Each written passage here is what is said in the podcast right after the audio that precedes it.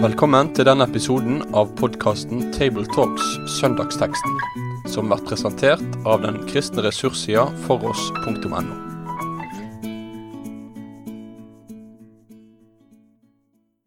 Da ønsker oss i gruppa her i Rogaland eh, velkommen til en ny episode i Tabletalks. Eh, og Med oss har vi som vanlig det er Sofie Braut, det er Øyvind Solheim og Jan Helge Aarseth. Eh, denne dagen så har vi teksten til sjette søndag i påsketida, og da er det Matteus 6, vers 7-13 som vi skal høre. Når de ber, skal de ikke ramse opp ord som heidningene, for de tror de blir bønnhørte bare de bruker mange ord. Gjør ikke som de. Far dykker veit hva det trenger, før det ber han om det. Slik skal det be. Vår Far i himmelen. Lat navnet ditt helgast. Lat riket ditt komme. Lat viljen din råde på jorda slik som i himmelen. Gjev oss i dag vårt daglige brød, og tilgjev oss vår skyld, slik vi òg tilgjev våre skyldnere. Og lat oss ikke komme i freisting, men frels oss fra det vonde. For riket er ditt, og makta og ære i all eve. Amen. Far i himmelen, takk for ditt ord. Takk for at du er sammen med oss og veileder oss når vi samles om ditt ord. Jeg ber deg at du åpner disse ordene for oss, Herre. I Jesu navn. Amen.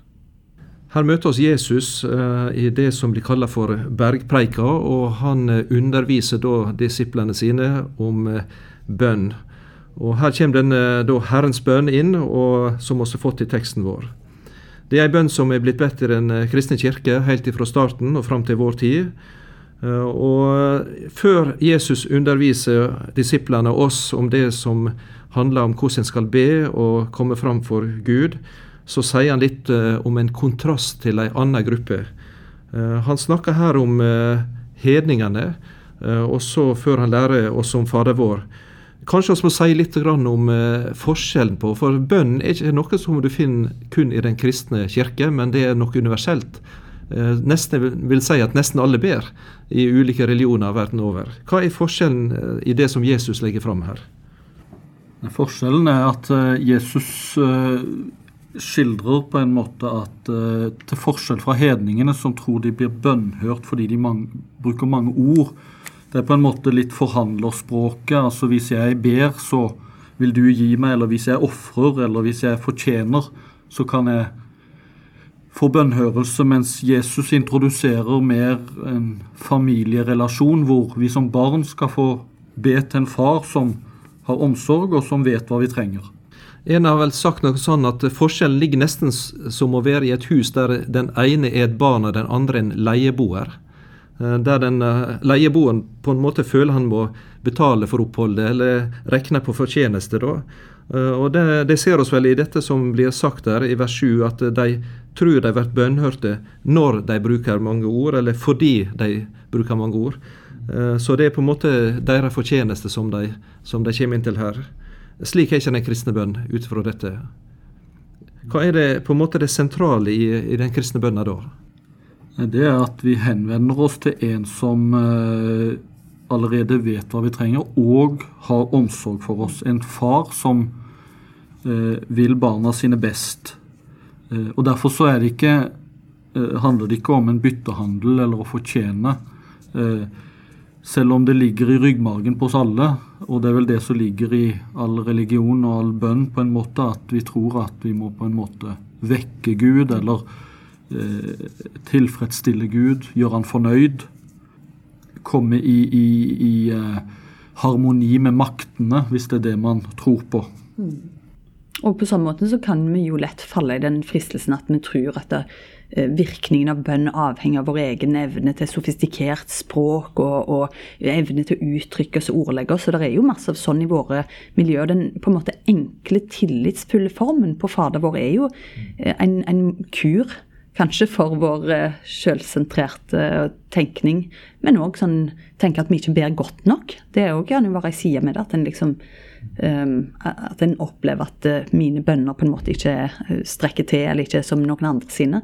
Er sånn enkelt, tillitsfullt språk. Så, så helt sikkert det til ja, til opplæring og hjelp for oss i bønnelivet i vid forstand. da. I den perioden som vi er inne i nå, så er vi også inne i den eh, muslimske fastemåneden, ramadan, eh, der de er veldig opptatt av bønn og dette å søke Gud. Eh, men en opplever vel ifra en muslimsk side at dette å kalle Gud far, det er en umulighet. Det var vel ei, eller en som skrev en bok som ble en kristen fra en islamsk bakgrunn, og kalte vel boka 'Jeg vågte å kalle ham far'. Fordi det var så uhørt og ukjent at en skulle ha et far-barn relasjon knytta til sin tro og den Gud som en henvender seg til. Nå er dette med fast bønn eh, noe som Jesus lærer oss. Her er det eh, noen bønner som møter oss. Eh, dette med faste bønner og, og kanskje måter å be på, hvordan kan en tenke omkring det knytta til kristne livet? Ja, Noen tenker jo altså at det faste, både liturgi og bønn og liksom sånn faste, faste bønner, blir på en måte en slags begrensning, og at det blir uh, veldig sånn fast. Men, men, det er jo en stor frihet òg, egentlig, i, i, det å ha noe sånt å, å holde tak i, og der, der, Jesus lærer oss essensen egentlig i bønn, som vi kan holde tak i og, og, og ha som en bønn for hjertet, egentlig for hele livet. Så det, det er jo en dyp visdom i det å ha noen sånn faste holdepunkt for oss. Og det åpner på en måte en verden. Jesus fører oss i denne bønnen inn i hva en som kristen bør være opptatt av når en ber. For vi føres inn i Guds verden på en måte. Så, så faste bønner kan åpne perspektivene mer enn å, å stenge de. Pluss at det òg faktisk ligger en slags hvile i det. For her kan du gå inn i en bønneerfaring som er gammel. Jesus levde i Salmenes bok, de første kristne levde i Salmenes bok. Og, og tusenvis, millioner av kristne har levd i Fader vår. Og særlig kanskje i tider som er vanskelige, så er det godt å bare stige inn i eh, en bønn som på en måte en kan på en måte hvile i. Gi sitt hjerte inn i, så å si. Eh, det var en artikkel jeg leste nylig, og hun skrev eh, om, i den artikkelen hun som skrev det om å formidle den kristne tru til neste generasjon. Eh, jeg vet sjøl at den første bønna jeg lærte å be av min mor, det var den bønna som må se nå. Det var Herrens bønn. Og hun som skrev den artikkelen om formidling av kristen tru, brukte ordet hermebønn. Eh, der en ba det samme som andre hadde bedt før. Eh, og la sine ord og sitt hjerte inn i den bønna som, som, som, var blitt bedt. Og Det er vel egentlig det Jesus eh, gir oss her. Han gir oss ei hermebønn til det kristne liv. Ja, det er jo absolutt en velsignelse å bare tenke at dette var ord Jesus sa. Sånn skal dere be. Og det bare kunne gå inn i den, den slitestyrken og den dybden som ligger i å delta i noe sånt, det er jo, er jo kanskje enda større enn vi ofte tenker når en, en ber Fader vår. Eh, så det eller Vår Far, som det nå heter. Mm. Ja, Nå var du inne på Sofie, akkurat det at nå er bibeloversettelsene litt ulike. Der er blitt en liten endring på dette som eh, når det gjelder betegnelsen. Eh, fra det som var Fader vår og til Vår Far. Det kan kanskje være litt utfordrende for noen som har lært én måte, og så møter en en ny. Hvordan ser oss på dette? Altså Det er alltid litt vanskelig med nye versjoner og, og nye oversettelser og det er gjerne tilvenning. Men samtidig så skal vi aldri glemme at eh, denne bønnen lærte Jesus sannsynligvis først til disiplene på arameisk, og så har vi fått den på gresk i evangeliene, og så har vi fått den i norsk oversettelse. Eh, og at Jesus ber på arameisk, som var vokst opp med at det var hebraisk, så på en måte var det hellige språket, det viser oss noe om at at Jesus sier noe om at vi skal få lov til å be på hjertespråket, morsmålet vårt. Eh, og Derfor så trenger vi nye oversettelser eh, hele veien. Men det er alltid sagt, vokse når vi skal skifte så å si eh, språkham. Vi da skal gå inn noe i denne Herrens bønn og det som Jesus lærte oss, og han kommer til han, så kanskje vi kan for å gjøre det på vår korte tid på en litt enkel måte, prøve å dele det litt opp. For her møter en ulike bønner, eh, korte bønner som Jesus lærer oss å be. Eh, så kanskje vi kan se på det at den første delen av det, de første tre bønnene, de har Gud i fokus. Det er Han som er sentrum, og det er Han vi vender oss til. Og så kommer den siste delen, som der våre behov og, og, verden og det menneskelige, den, det er det som er nevnt da. Så hvis vi ser den, på den første delen i dette, Eh, når vi kommer inn i denne bønnen, så ser vi at der er Gud nevnt. Eh, hva er det Jesus legger vekt på, og hva er fokuset på dette? Eh, det første har du allerede nevnt, Øyvind. Dette at han kalles far. Ja, og det er jo, selv om det ikke var helt ukjent i, i, i jødisk tradisjon å tiltale Gud som far, så var det allikevel kanskje mer vanlig med, med å tiltale Gud med mer ærbødige og ikke så fortrolige tiltale som far. Så Jesus inviterer til fortrolighet når han sier 'vår far'. Abba, som han sa på arameisk. Det er på en måte barnet som så å si får lov til å sette seg på fars fange og komme med det som ligger en på hjertet. Og det står jo, Johannes skriver jo i sitt første brev, det syns jeg var flott å lese igjen, Se hvor stor kjærlighet Faderen har vist oss, at vi skal få være barn. Uh, Johannes, 1. Johannes brev 3.1. Så det, det, så det er en kjærlighetserklæring fra vår himmelske Far at vi får lov til å tiltale han som far holdt på å si, Hvis en ser på den pedagogiske sida her som bønnepedagog, så lærer jo bare denne rekkefølgen. Du nevner at en liksom ser på to sånne hovedbolker her. og det, er en rekkefølgen med hva vi setter først i bønnene våre. Mm. Først ditt navn, ditt rike, din vilje. Det er det som er første prioritet. Og uansett hvordan på en måte livsvilkår og livsforhold vi har, og hvordan presserende de måtte være, så ligger altså grunntanken her at vi blir, vi blir invitert inn i en helt annen prioriteringsrekkefølge. Der eh, det å være borger av Guds rike og hans, hans anliggender er våre aller viktigste prioriteringsområder uansett. Vi dras jo mot Gud og søker Hans rike først. Mm. Og, og, det ligger jo en dobbelthet i selve tiltalen. Vi ber vår Far i himmelen. Så det er både ærefrykt for Han som er i himmelen, og fortrolighet med Han som er nær. Sånn så Jesaja 57, 15, så står det 'i det høye og det hellige bor jeg', altså vår Far i himmelen, og hos den som er knust og nedbøyer ånden, en far som er nær, for å gjøre levende de nedbøydes ånd og gjøre de knuste hjerter levende. Så, så, når vi ber Fader vår, eller vår Far i himmelen, så er det både en fortrolighet, men også en ærefrykt for den hellige, eh, veldige, skaperen himmelens og jordens dommer. Akkurat nå, du nevnte det, Sofie, dette med Guds navn og Guds rike og Guds vilje, så er det nesten en liten parallell til de ti bud. Eh, for også de første budene har det samme fokus. Eh, og så etterpå kommer det som har med, det, med livet og, og det som ligger omkring oss å gjøre. Eh, nå ser vi etter at det er Guds navn og Guds rike og Guds vilje som er nevnt her. Dette at Gud må verte helga, den første bønna, Eh, hvordan skal, kan det skje, og hvordan skal Guds rike komme? Og hvordan skal Guds vilje skje? Eh, og råde på jorda. Hvordan skjer det? Der er en eh, ting som, hvis jeg går til den gamle katekismen, som ble skrevet av biskop Pontoppidan, den er nå velkjent i Norge og kanskje ikke så mye brukt nå. Men han nevner på at dette skjer ved to hovedting. Han nevner først så skjer alle disse tingene ved at Guds ord blir lært tydelig og rett imellom oss. Eh, og den andre måten det skjer på, det er gjennom det kristne livet. Ved at en kristen lever et kristenliv her på jord. Så vil disse eh, tingene komme. Eh, denne prioriteringslista som du var inne på, Sofie, eh, er det noe som vi trenger å høre som kristne i dag? Eller hvordan skal vi tenke? Har vi ting på plass her?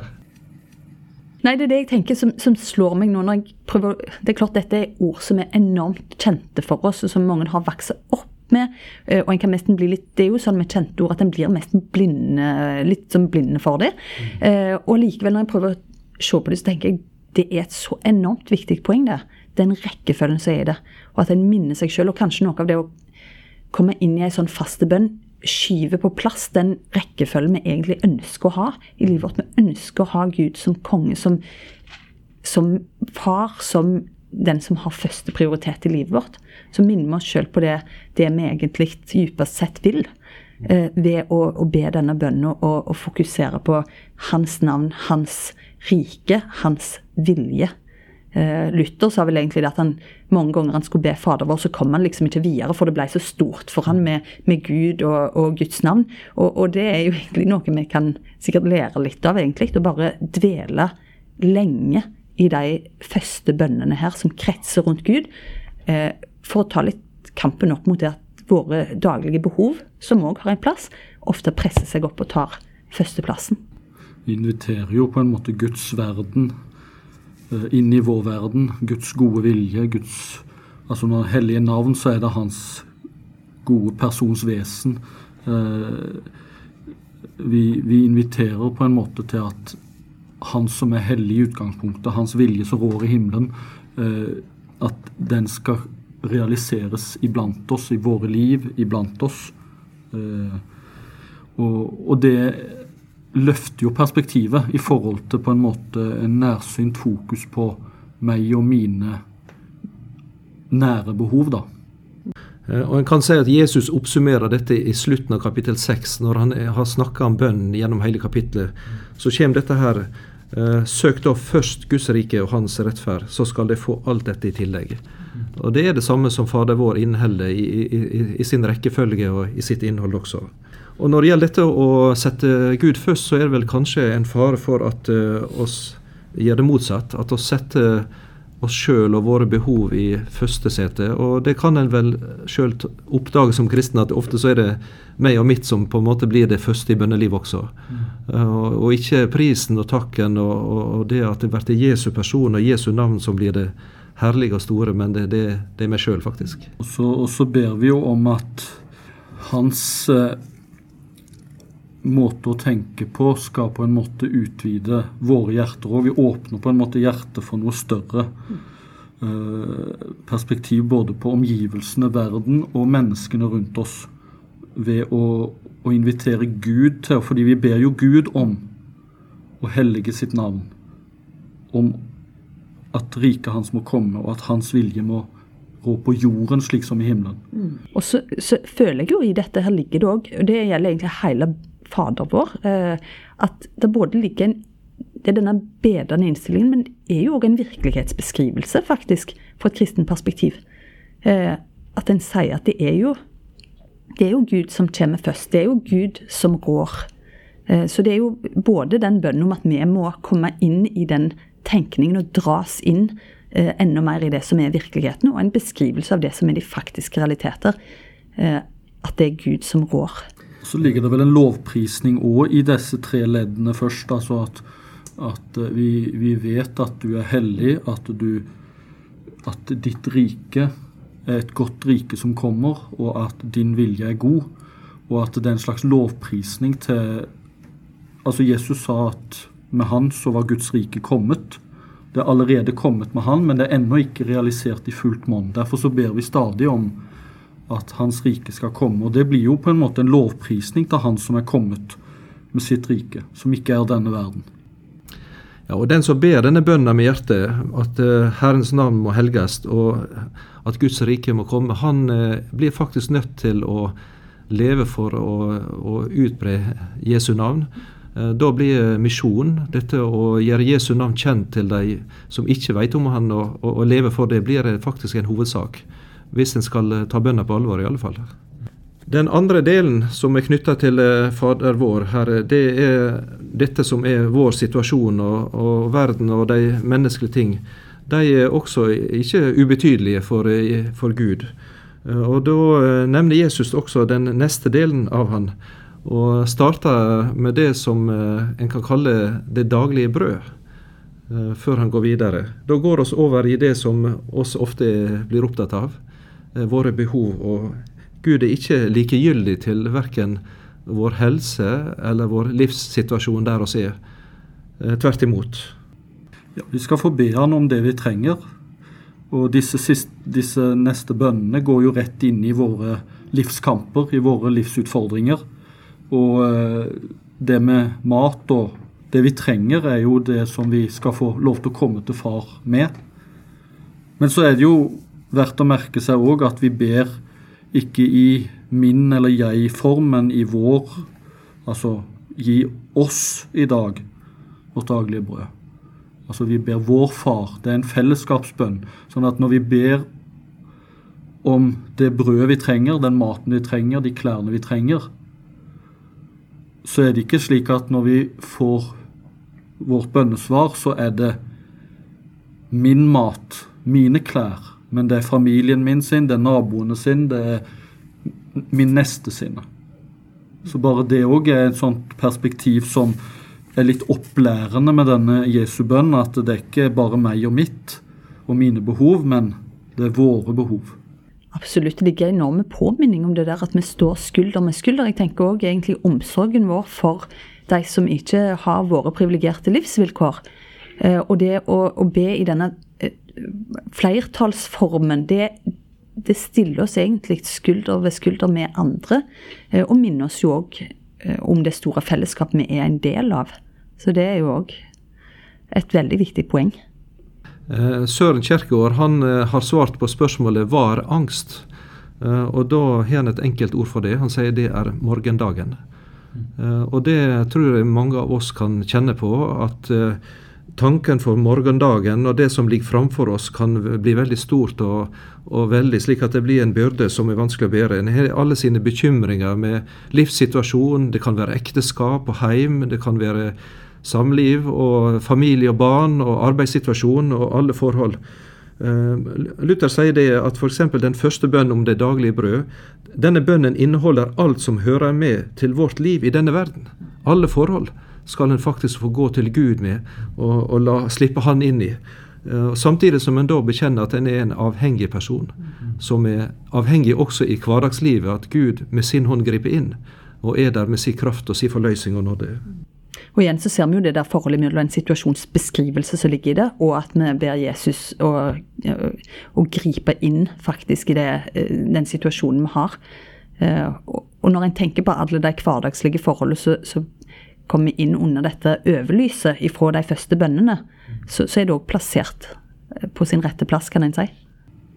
En av disse bønnene som er knytta til det daglige liv, oss nevnte på det med det daglige brød og det som vi trenger av, av, alt omkring oss, så nevner en også Jesu bønner dette med vår skyld, eh, og det å tilgi våre skyldnere. Det er plutselig et annet aspekt ved hverdagslivet som ikke akkurat er det materielle, men som likevel er kjempeviktig med tanke på å være menneske. Ja, og så læres vi til å be forlate oss vår skyld, eller tilgi oss vår skyld, slik vi også tilgir hverandre eller de andre, våre skyldnere. Og, og Jesus går på en måte rett inn i eh, hverdagslivet. At vi sårer hverandre, krenker hverandre, eh, gjør hverandre vondt, påfører, påføres skyld Eh, både overfor Gud og våre medmennesker. Og dette går Jesus rett inn i i mønsterbønnen, at, at vi trenger daglig eh, å be om tilgivelse både fra Gud og mennesker. Det er jo det der at det handler om relasjonene våre både til Gud og til andre, og at disse knyttes utrolig tett i sammen. Det er jo en enormt sentrale side med livet vårt som er, så du Even sier, går på en måte rett på klingen av deg, da. Mm. Nå er det noen som sier det, og som opplever veldig vonde ting og felle ting, at det er så vanskelig å tilgi. Uh, og tenke at De sier 'jeg kan ikke glemme det', sier de. Det går ikke an å glemme det.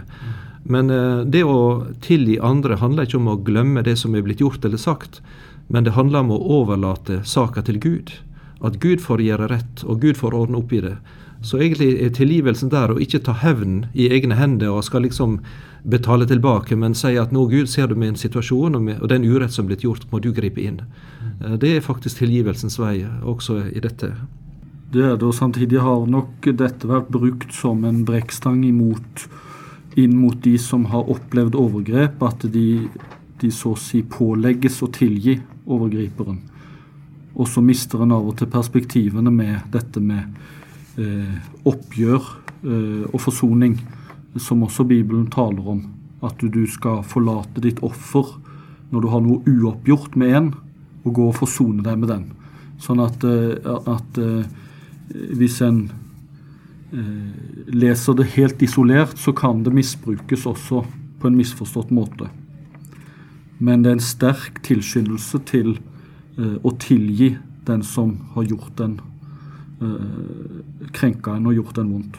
Og så følger det på en måte den røde tråden òg med, med, at alle forhold i livet eh, bringes inn for Gud mm. med en, en, tillitsfull holdning til at han, han, han er den øverste. Han er mm. den Messiaen er i de første delene av denne bønnen.